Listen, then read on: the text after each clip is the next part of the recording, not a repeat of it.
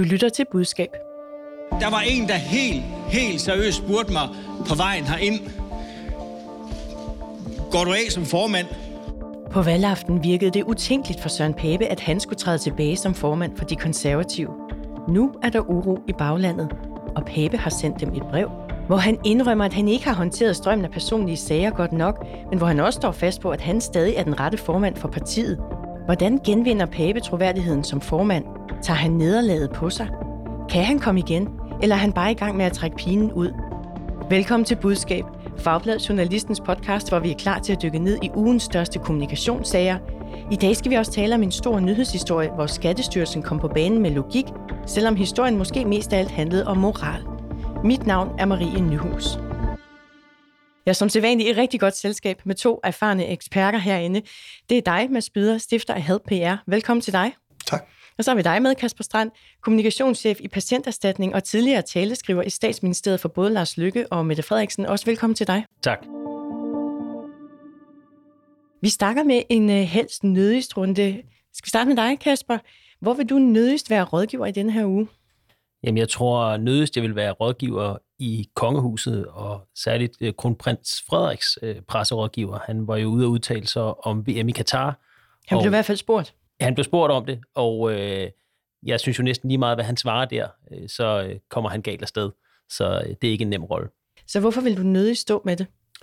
Fordi nu ruller VM i Katar, og nu kommer der rigtig meget fokus på det her, og så kræver det, at man er super skarp i, i de der svar. Og jeg synes ikke altid, det er kronprinsens største styrke at være helt super skarp i, øh, i de der korte pressesvar. Mads, vi vender tilbage til, hvor du nødigst vil være rådgiver i denne her uge. Vi skal tale om Søren Pape og de konservative, som gik fra at ligge over 16 procent i meningsmålingerne i august, til at få 5,5 procent af stemmerne øh, ved valget i sidste uge. Men stadigvæk, venner, så er der en chance for, at lige om lidt, så er det bare farvel og tak, Mette Frederiksen. Vi har tabt en procent, men vi kan muligvis stå til at få meget mere indflydelse, end vi har haft de sidste 3,5 år. Det var Pape på valgaften, og dagen efter i Publicistklubbens partilederrunde, der sagde han sådan her om valgresultatet det er jo ikke lykkedes for os, kan man sige, at trække igennem. Altså, vi har tabt to mandater, det er rigtig ærgerligt over. Det er jo ikke en, en, en katastrofe. Ja, ikke en katastrofe, sagde han. Mads, jeg kunne godt tænke mig at høre dig kort. Øh, hvordan lød Søren Papes udlægning af valgresultatet i dine ører? Han var meget øh, tilfreds og øh, havde ikke tænkt sig at gå nogen steder, og jeg tror måske, at øh, det er altid let at se i, i bagspejlet, men øh, han skulle have været lidt mere ydmyg til at starte med på talerstolen. Fredag aften sendte Søren Pape et brev til partiets medlemmer. Her tager han ansvar for partiets valgresultat og skriver, at han åbenlyst har håndteret sin personsager forkert. Han står også fast på, at han stadig er den rette formand for konservativ. Og så skriver han, der kommer lige et citat fra brevet, på et tidspunkt så vi meningsmålinger, der vil give os det bedste valg siden 1988. Det er jeg stolt af at have stået i spidsen for. Og lidt længere i teksten kommer det, vi har ganske enkelt en voksende tro på os selv. Den skal vi holde fast i, selvom vi har fået et dårligt valg. Kasper, du mener ikke, at Pape han rammer helt øh, rent med det her brev. Hvorfor ikke det? Jamen, når jeg læser det, øh, så synes jeg, det virker som om, at han ikke har lagt sig helt fast på, om det her var dårligt, det her egentlig var. Om det var godt eller dårligt, og, og hvad, hvad grunden egentlig er. Øhm, han indleder jo med at skrive og sige, at øh, det var selvfølgelig ikke godt nok, han tager de her personsager på sig, men som du også refererer, så længere ned i brevet, så får man næsten indtryk af, at øh, det var, sådan, det var sådan, faktisk rigtig flot, for de mistede ikke særlig meget og var rigtig højt oppe i meningsmålinger undervejs. Og det der med at lægge sig klar på en fortælling om, hvad er valgets tale, om man så må sige, for ham, det tror jeg øh, bliver vigtigt for ham, hvis han skal klare det igennem. Mads, du efterlyste lidt ydmyghed fra øh, Søren Pape før. Rammer han så den ydmyghed i brevet? Nej, han forsøger jo selvfølgelig. Øhm, og man kan tydeligt se som kommunikationsmand, hvad det er, han, han forsøger. Det er jo at lægge sig ned og, og, og vende nogen tilbage. Han kan godt se, at han stod på valgaften og var lidt for hurtig. Og jeg husker også på valgaften, han kommenterede jo denne her journalist, faktisk godt journalistisk arbejde. Der var en, der tog fat i ham på vej op på talerstolen. Og, og det havde han ikke planlagt at stå. Det var sådan lidt i effekt, at han sagde, ja, skal ingen steder, og så videre. Så måske blev hans tale på talerstolen også lidt øhm, anderledes, end han havde planlagt. Men, men, men brevet, rammer han den ydmyghed, du så savnede hos ham ja. på valgaften? Mm, ja, det synes jeg faktisk, han starter med. Det er bare, så begynder han så at smide alt det andet, ikke? du også siger med det store valg og, og fremgang osv. Altså, han, han, han, han starter egentlig med den ydmyghed, men så kommer han lidt væk fra det. Og så, som Kasper også siger, så bliver det lidt forvirrende. Og faktisk vil jeg gerne tage det her brev og sige, jamen sådan har det været hele vejen igennem. Vi har jo talt Pape herinde før. Han har, jeg, jeg talte med en journalist i går, hvor jeg kaldte det sådan en ad hoc tilgang. Konservativt, det har været ad hoc, om det er personlige sager, om det er, hvor de står henne, eller nu denne her øh, partiopbakning. Det er hele tiden sådan lidt frem og lidt tilbage. Øh, og det er ikke så godt, slet ikke når man er konservativ. I hvert fald er der uro i baglandet, og flere konservative sætter spørgsmålstegn ved Papes formandskab. Tidligere minister Per Stig Møller har opfordret til, at partiet analyserer, citat, hele situationen og også formandssituationen. Tidligere konservativ borgmester i København, Mogens Lønborg, har udtalt til Berlingske, at, citat, hvis partiet skal genrejses, har jeg meget svært ved at se Pape som den rette formand. Og tidligere folketingskandidat Dorte Smidrot Madsen sagde til Radio 4 om Søren Pape. Jeg tvivler på, om han er den rigtige til at, at, at løfte opgaven, øh, og jeg tror, at hvis vi skal ud og have en, en vælgetilslutning igen, så har vi simpelthen brug for at, at få ryddet op. Kasper, der er altså flere konservative, der er utilfredse. Hvordan kommer Pape igen? Jeg synes, noget af det, man kunne gøre, det var at sige, som han forsøger i brevet, øh, være helt klar på, at han har et ansvar, også for de her personhistorier men så synes jeg, at man skal begynde at tale mere politik. Altså, hvad er det, der mangler i den borgerlige blok for at få flere vælgere? Der har været talt om den her fortælling, den her borgerlige fortælling. Hvad er det egentlig for et samfund, som den blå blok forestiller sig, at vi skal have, og hvad er det, man kan få? Hvad er idealet? Og det synes jeg godt, han kunne øh, tage mere ind i øh, og bruge og tale politik. Fordi når han kun taler om sig selv, så bliver diskussionen også om ham selv. Kan han bruge det, det du efterlyste før, altså han mangler mere konsistent fortælling om, hvad var valgets tale for de konservative. Kan han bruge politik der? Ja, det mener jeg. Altså her er han jo lidt fanget i, han siger, at det her skal evalueres på en eller anden måde. Det eneste, der ikke skal evalueres, det er så ham, kan man forstå i brevet. Ja. Men, men resten skal evalueres. Alligevel synes jeg godt, han kunne træde meget mere ind på den bane, for der er han jo heller ikke alene om ansvaret. Der er også andre partier, som øh, har et ansvar for den, for den borgerlige nederlag. Men her kommer han på en eller anden måde til at tage det på sig, også helt personligt. Altså, hvordan kan man kommunikere troværdigt om sit eget lederskab midt i et nederlag? Det er det, jeg ser, han forsøger at gøre. Det ser jeg også, og der synes jeg, man skal være klar. Meget mere klar, end han er, og, og en meget mere klar rød tråd i det at sige, ja, jeg havde et ansvar, jeg har et ansvar. Øh, det, det står slet ikke til at diskutere vi er også nødt til at se på politikken. Det forsøger han faktisk. Han kommer bare ikke i bund med det. Øh, men der er en politisk substantiel diskussion, også i de borgerlige medier, men hvad er det, hvad er det egentlig for noget, øh, det borgerlige projekt er? Der, der tror jeg, der er en bane, han kunne, han kunne træde ind på der, kommunikationsmæssigt. Mads, du nikker. Kan Pape komme igen? Ja, det tror jeg godt, han kan. Men det handler også om, at jeg ikke ser det store alternativ til ham lige nu. Altså, jeg synes, den her det er en ordentlig ris i langen. Og jeg tror, hvis der stod et, et sejt alternativ, så, øh, havde jeg også mit øh, hoved på blokken i dag og sagt, at han ville være ude lige om lidt. Det kan jo godt være, at han er det. Jeg tror egentlig godt, han kan komme igen. Og han skal forberede noget politik, som Kasper siger. Men jeg kunne også godt tænke mig at sige, når vi nu taler kommunikation, han skal også forberede at kunne tale om sig selv. Fordi han tabte hele det her valg på gulvet ved ikke at kunne tale om sig selv. Alle de personlige sager, det var ikke svært for de andre, for partier at køre lidt på ham. Øh, og konservative havde hængt deres hat på en krog og ikke andet. Så det var ikke svært at få ham væk. Og det var blandt andet, den så også indrømmet nu, fordi han ikke var god til at tale om sig selv. Så han skal i to forberedelsesrum. Det politiske, og være klar til det, hvis han skal lave det her comeback. Og så skal han jo også vide, at I journalister, I spørger ind til hans personlige sager igen. Og jo tættere man kommer på noget, der er godt, eller et valg, eller hvad, så spørger man endnu mere ind. Og det skal han være klar til. Så hvordan lyder den fortælling om valgets tale, som du vil sende ham i byen med, hvis du var hans rådgiver?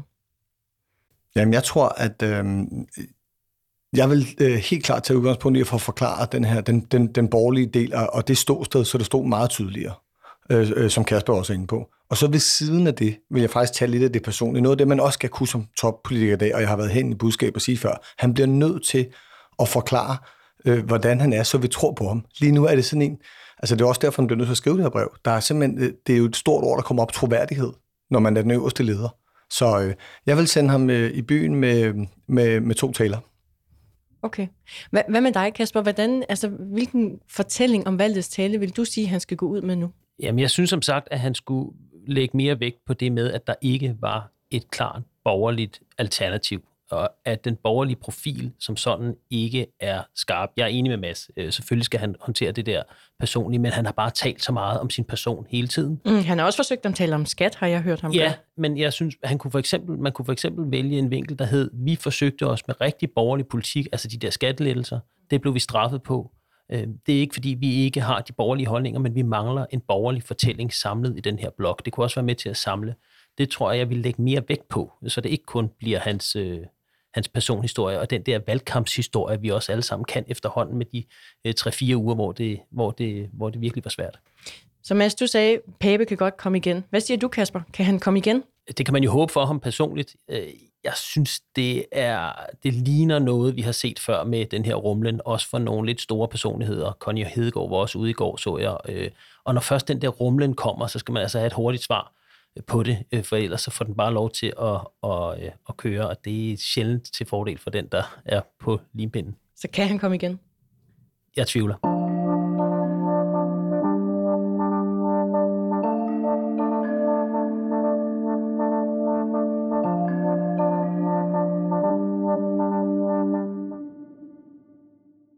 Du lytter til Budskab, Fagbladet Journalistens podcast om kommunikation. Husk, du kan altid skrive til os med input og idéer. Skriv til budskab Jeg er også meget interesseret i at høre fra dig, hvis du har et dilemma fra dit kommunikationsjob, som du kunne tænke dig at høre eksperternes bud på at løse. Mads, så skal vi høre, hvor du nødigst vil være rådgiver i den her uge. Jamen, jeg har sagt uh, i FIFA. I FIFA? Og hvorfor det? Det er jo den her store øh, globale fodboldorganisation, og der er VM lige om lidt, som Kasper også var inde på, og FIFA de gik ud her forleden, og så skrev de til alle de 32 lande, der deltager i VM her om lidt, blandt andet Danmark, til deres organisationer, DBU og de 31 andre, at nu skulle de tale om fodbold til den her turnering, og ikke alt det andet. Ikke politik.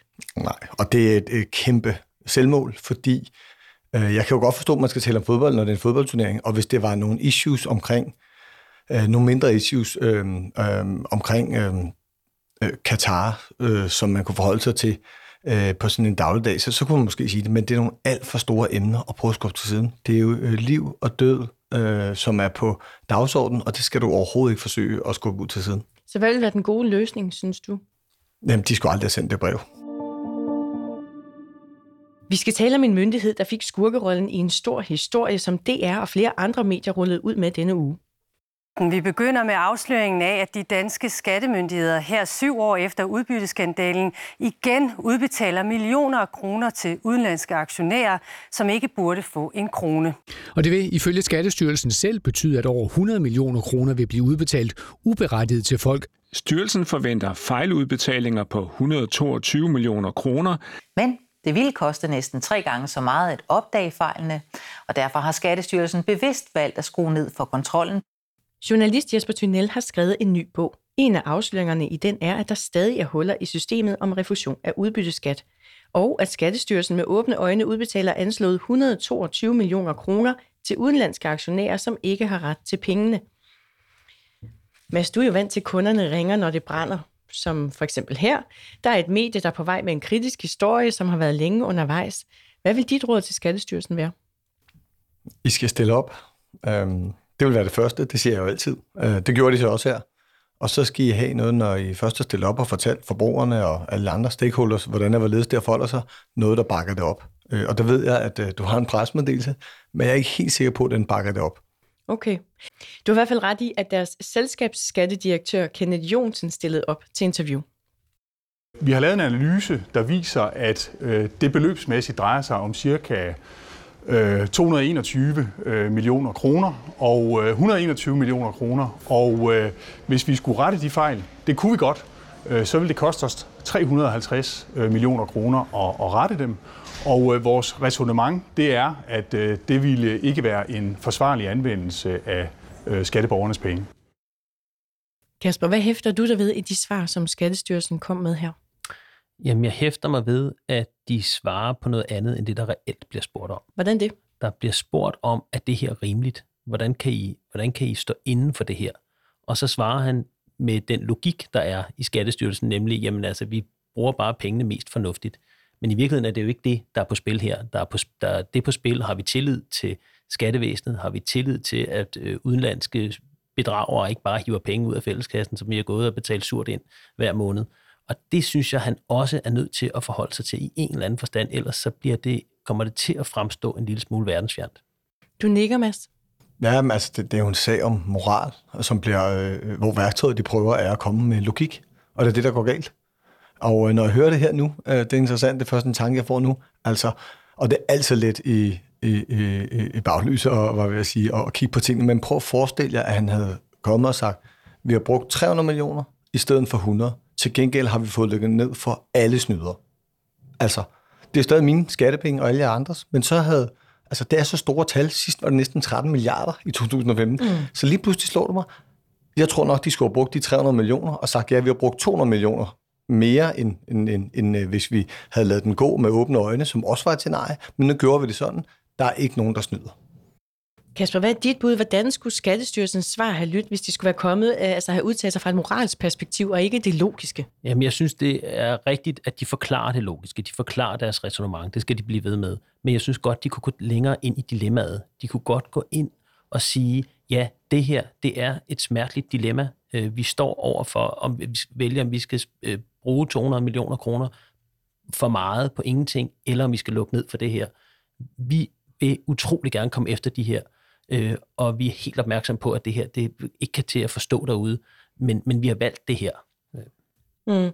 Og øh, Skattestyrelsen gik også på Twitter, og så udsendte de den her øh, pressemeddelelse, som du nævnte før, Mads, som jeg sidder med her. Den har følgende overskrift.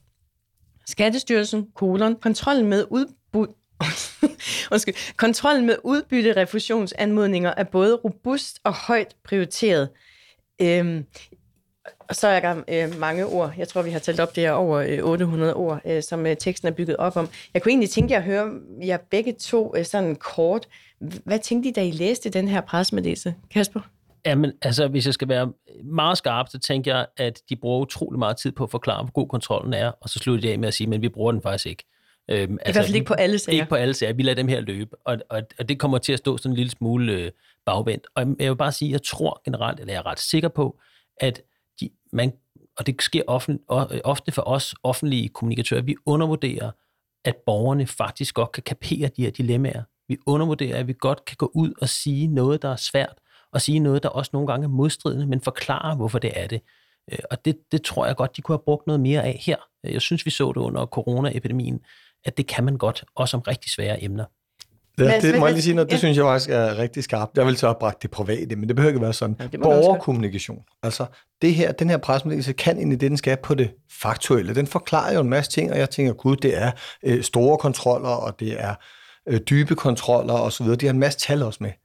Men, men, men det her er sådan en skatteetik, vi også snakker om. Det er jo borgerne. Det er også øh, medier, hvor borgerne med, altså Godaften Danmark og BT, noget, de skulle have taget det her og forklaret det. Og der skulle have været en helt anden tilgang. Altså Skattestyrelsen skulle være gået i BT og Godaften Danmark? Og det er jo lidt, lidt for mig at sidde og sige her, men jeg mener bare, den her pressemeddelelse, den er der ikke nogen borger, der hverken læser eller får noget ud af. Og det er derfor, hvis jeg hørte Kasper rigtigt, altså den her øh, coronatilgang, Tænk, hvis man havde taget den her og gået og sagt, hey, der er A og der er B.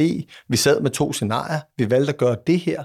Vi går klar, at det er blevet lidt dyrere, men nu skal I vide. Altså, det, borgerne er jo klar til at forstå et svært dilemma og sætte sig ind i det det, der sker her, og jeg tror, du er helt ret, det sker tit for det offentlige, der er så meget, der er også meget politik i, det er svært for embedsværket, det er udmærket klar over, hvad, hvad skal vi gøre her? Og det kan vi også se på ham, der stiller op til tv. Han, han, kan han, se det på ham? Jamen, han placerer jo ikke aben nogen steder, han, øh, og, og han, han tager slet ikke det politiske ind. Altså, så jeg havde sådan en fornemmelse af, det ved jeg godt, man tit holder hånden over politikerne for embedsværket, men det synes jeg også, det virkede om. Jeg synes, det var godt, han stillede op til tv, men jeg havde da kunne forstå ham bedre, hvis han havde sagt, prøv at høre, det har det været voldsomt svært for os. Det er et mega stort dilemma. Skal vi bruge 200 millioner mere af jeres kroner, og så ikke have nogen snyder? Eller skal vi spare de 200 millioner kroner, og med åbne øjne se, der er nogen, der snyder? Mm. Altså, jeg har jo selv været, øh, været offentlig kommunikatør, som I kalder det, eller øh, presmedarbejder. Og øhm, hvad hedder det? Jeg, jeg tænker, det er jo en, en stor proces, plejer det i hvert fald at være, man sætter i gang, og man går i gang med at lave en pressemeddelelse. Der er mange led, der skal ind over og godkende. Og, altså, er det, er det spildte kræfter, synes jeg, at Skattestyrelsen har lavet den her pressemeddelelse? Nej, det synes jeg ikke. Øh, og jeg synes også, de forsøger at gøre det, man klassisk ville gøre, og komme tingene en lille smule i forkøbet. Og man må også bare give ham her, øh, direktøren, at det er en svær situation. Mm. Han kan ikke hvis han sparker sin politiker ned, eller sparker opad på den måde, så, så giver det nogle rigtig store problemer. Det gør man simpelthen bare ikke i de systemer. Øhm, så, så, så på den måde, så, og samtidig står vi jo i sådan en situation, hvor vi har en fungerende skatteminister, altså der er nok ikke rigtig nogen til at tage telefonen derover. Der er heller ikke nogen, der bliver prøvet på det. Det var jo ellers det logiske, at der var nogen, der gik til ministeren og spurgte, hvordan kan det her være, men det er der så ikke nogen, der, der gør, fordi at vi er i den her særlige situation. Så han står i en svær situation. Det må, det må man give ham. Øh, man kan bare godt gå længere ind på den bane, tror jeg. Det er også noget, der bevæger sig i det offentlige, det her. Mads? Men det, jeg synes, der er rigtig sjovt, vi taler tit taktik herinde, og det er også det, der skal komme ud i æderen. Altså, tænk, hvis de har tænkt det her, at vi sætter ham på tv for at vise, at vi er åbne, og vi kan forklare vores sag, selvom det er meget logisk, og så sender vi en presmeddelelse ud, der har alt fakta med, og så dræber vi den på den måde. Hvis de har tænkt det, fordi vi sidder jo her, det er to dage siden, den er ikke kommet videre, den sag. Jeg troede, danskere ville blive så faret, og den netop vil ende i BT og alt det andet. Nope, vi er umiddelbart videre. Det vil sige, det er sådan lidt øh, poppet måske, men har de gjort det så klassisk, offentligt, at de faktisk også har dræbt den, øh, så vi andre ikke er blevet farvet og gået på sociale medier og, og, og så videre. Men, men mener du, det skyldes Skattestyrelsens kommunikation, at det, at historien ikke er noget længere ud? Nej, jeg prøver bare at sige, at vi sidder her og skyder lidt på det, og det er en svær, det er en meget kompleks situation. Jeg siger bare, vi, vi skal også lige tage ind, at der er gået to døgn, og, og det kunne lige så godt være blevet en shitstorm eller noget, det har vi diskuteret. Den har ikke rejst den her sag. Det er brugt alle kræfter på alle flader. TV-avisen i 6 minutter, forsiden på webben osv. Det er to døgn siden. Der er ikke rigtig sket meget mere. Det vil sige, et eller andet, hvis jeg ser fra deres side, er måske lykkes. Mm. Ja, jeg tror da også, at uh, umiddelbart, hvis det er der, den lander, så tror jeg, at man må være rigtig tilfreds over i kommunikationsafdelingen. Ikke? Altså, øh, så er der kage. Men, men, men øh, og, og, og det vil man, selvfølgelig skal man øh, øh, tage det ned på den måde, ikke? Men, øh, men jeg synes bare, man skal være, altså, og, og, undskyld, man skal også være opmærksom på, hvor svær en situation det er, og at det ofte er sådan, synes jeg, for offentlige, i offentlige, for offentlige kommunikatører, at det er nogle meget komplekse problemstillinger, som man skal forklare på meget kort tid, og hvor der også er den der politiske vinkel. Det er der jo selvfølgelig også i det private, men hvor der også er hele tiden den der politiske afvejning. Hvornår træder vi egentlig ind og taler om politik? Og det gør man bare ikke som embedsmand, så det er en svær, svær afvejning. Det men, der. men, som I selv forklarer, altså det Skattestyrelsen, det som jeg hører Skattestyrelsen stiller sig op og gør, er, at de, de forklarer resonemanget bag systemet, forklarer, at det her det er en logisk måde at forvalte skatteborgernes penge bedst muligt på, fordi vi bruger færrest mulige penge på at kontrollere flest mulige sager. Men I efterlyser jo også, at de taler mere ind i den øh, retssikkerhedsfølelse, der er i, at skat arbejder for at varetage øh, øh systemet bedst muligt, sikre færrest, øh, mindst muligt snyd og øh, mindst muligt færrest, øh, så få fejl som muligt. Øh, hvordan vil budskabet lyde, hvis, de, hvis deres kommunikation i højere grad skulle handle om at sikre tilliden til, til skat? Jamen, jeg tror først og fremmest, det handler om at tale om dilemmaet. Altså tale dilemmaet frem. Han skal ikke give de politiske svar. Så det hvordan vil, være, vil det lyde, Kasper? Jamen, det vil, det vil lyde noget af det, vi har været inde på. Altså, at det her, det, ja, det her, det er et djævelens svært dilemma. Vi står i det her, hvor vi skal vælge mellem tillid på den ene side og penge på den anden side. Det er, øh, det, det, vi hader at tage de her valg, men her har vi så valgt pengene. Øh, vi kunne også have valgt noget andet, øh, men, men det var, det var resonemanget her. Mads? Ja, fordi en privat virksomhed, og det er derfor, det gør det så svært, den skal vi huske den disclaimer. Jeg havde kunne ringe til den øverste direktør og spørge hende, prøv at høre, er du ikke med på, at vi går lidt mere på følelser i den her, vi forklarer lidt, at vi har siddet i to rum, det er nærmest umuligt valg, og vi er gået til venstre for borgernes skyld. Altså, det, det, det er sådan nogle kommissioner har vi lavet masser af. Så hvad vil det, den corporate udgave være, Mads? af budskabet? Jamen, det er lidt den, vi taler om her. Der vil man tage borgerne med ind, øh, og så vil man forklare, at det har været hammerende svært, men man nærmest tage dem med på rejsen. Altså, forstår man ret? Man vil sige, at der var to scenarier. Vi, og, og, og, og, og ingen af dem var super gode. Men vi har kigget på det og det og det, og derfor er vi gået denne her vej. Vi håber, I er tilfredse. Men og det er der, det er hver Kasper skal på banen, fordi når det så bliver den her politiske barriere og, og kommunikation, du skal have med ind over, så tror jeg, det bliver hammerne svært bare at ringe. Hvem er den øverste chef, man ringer til og siger, skal vi ikke tage den her tilgang? Der, der er for mange, man skal spørge. Ja, og, og det er ikke sikkert, at der kommer noget svar. Øh, og det andet er, at man skal altså øh, tror jeg bare fra skattemyndighedernes side også være utrolig opmærksom på, at man laver det her regnestykke. Hvad koster det, øh, hvis vi gør det her? Men man kunne måske også regne på, hvis man ikke allerede har gjort det, hvad koster det, hvis danskerne mister tilliden til det her system, og ikke begynder at betale lige så meget ind, og tjusker lidt mere med momsregnskaberne, fordi det gør de jo alligevel, de hiver alligevel pengene af, ud af os nede i Mellemøsten, så er det altså en dyr regning. Så, så der, jeg håber, at det her regnskab, at den, den, øh, den der, det der tillidsregnskab, også indgår i øh, vurderingen. Og det, det, det er lidt vildt for mig, det her. Nu kommer energien rigtig frem. Til sidst i det øh, øh, klip, du spillede før, der siger han jo, vi kunne sagtens have gjort det andet. Altså, den havde jeg faktisk ikke helt forstået, at man... Altså, han siger jo helt åbent på national tv, vi kunne sagtens have brugt 300 millioner, og så havde vi fået ryddet rigtig fint op. Altså, det er let igen at sige til sidst og bagefter, men det var det, de skulle have gjort. Og så skulle de have forklaret os med alle de gode argumenter, at øh, tillid og, og oprydning osv., ja, det er dyrt, men det er også vigtigt for det samfund, vi bor i. En sidste pointe, det er, at vi ved jo ikke, hvad der er gået op af notater og øh, øh, briefinger og alt muligt, også til politikere, så vi ved jo ikke, hvad der er gået ind i systemet. Det kan jo være, at de har sagt, er I virkelig sikre på, at det er sådan her, det skal være? Og det er jo også nogle gange den rolle, man står i som kommunikatør i, det her, i den her sammenhæng, at, øh, at det ikke er helt så, så simpelt, som det nogle gange bliver udlagt. Ja, for det var egentlig der, jeg godt kunne tænke mig, at vi slutter. Altså, der er jo mange kommunikatører i offentlige myndigheder, der oplever en situation som det her. Altså, et medie henvender, henvender sig med sådan en enkelt lækkert skåret historie, og så står man der i myndigheden og har en øh, virkelighed, der ofte er utrolig meget mere kompliceret. Kasper, hvad synes du, vi kan lære af denne her case, altså historien fra Skattestyrelsen?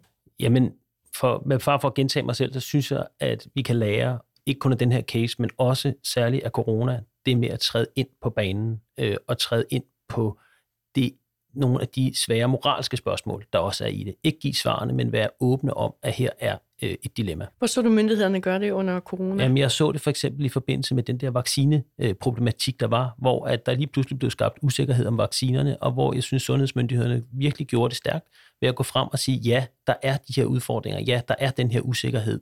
Øh, vi mener, at det her det er det rigtige, den samlede vurdering, men ja, der er, øh, det, det er ikke sort-hvidt. Der er en risiko. Jeg skal lige sige for god ordens skyld, at øh, Skattestyrelsen har ikke ønsket at dele deres overvejelser om øh, kommunikationen i sagen. Mads Byder og Kasper Strand, tak for at være med i budskab i dag. Selv tak. Selv tak.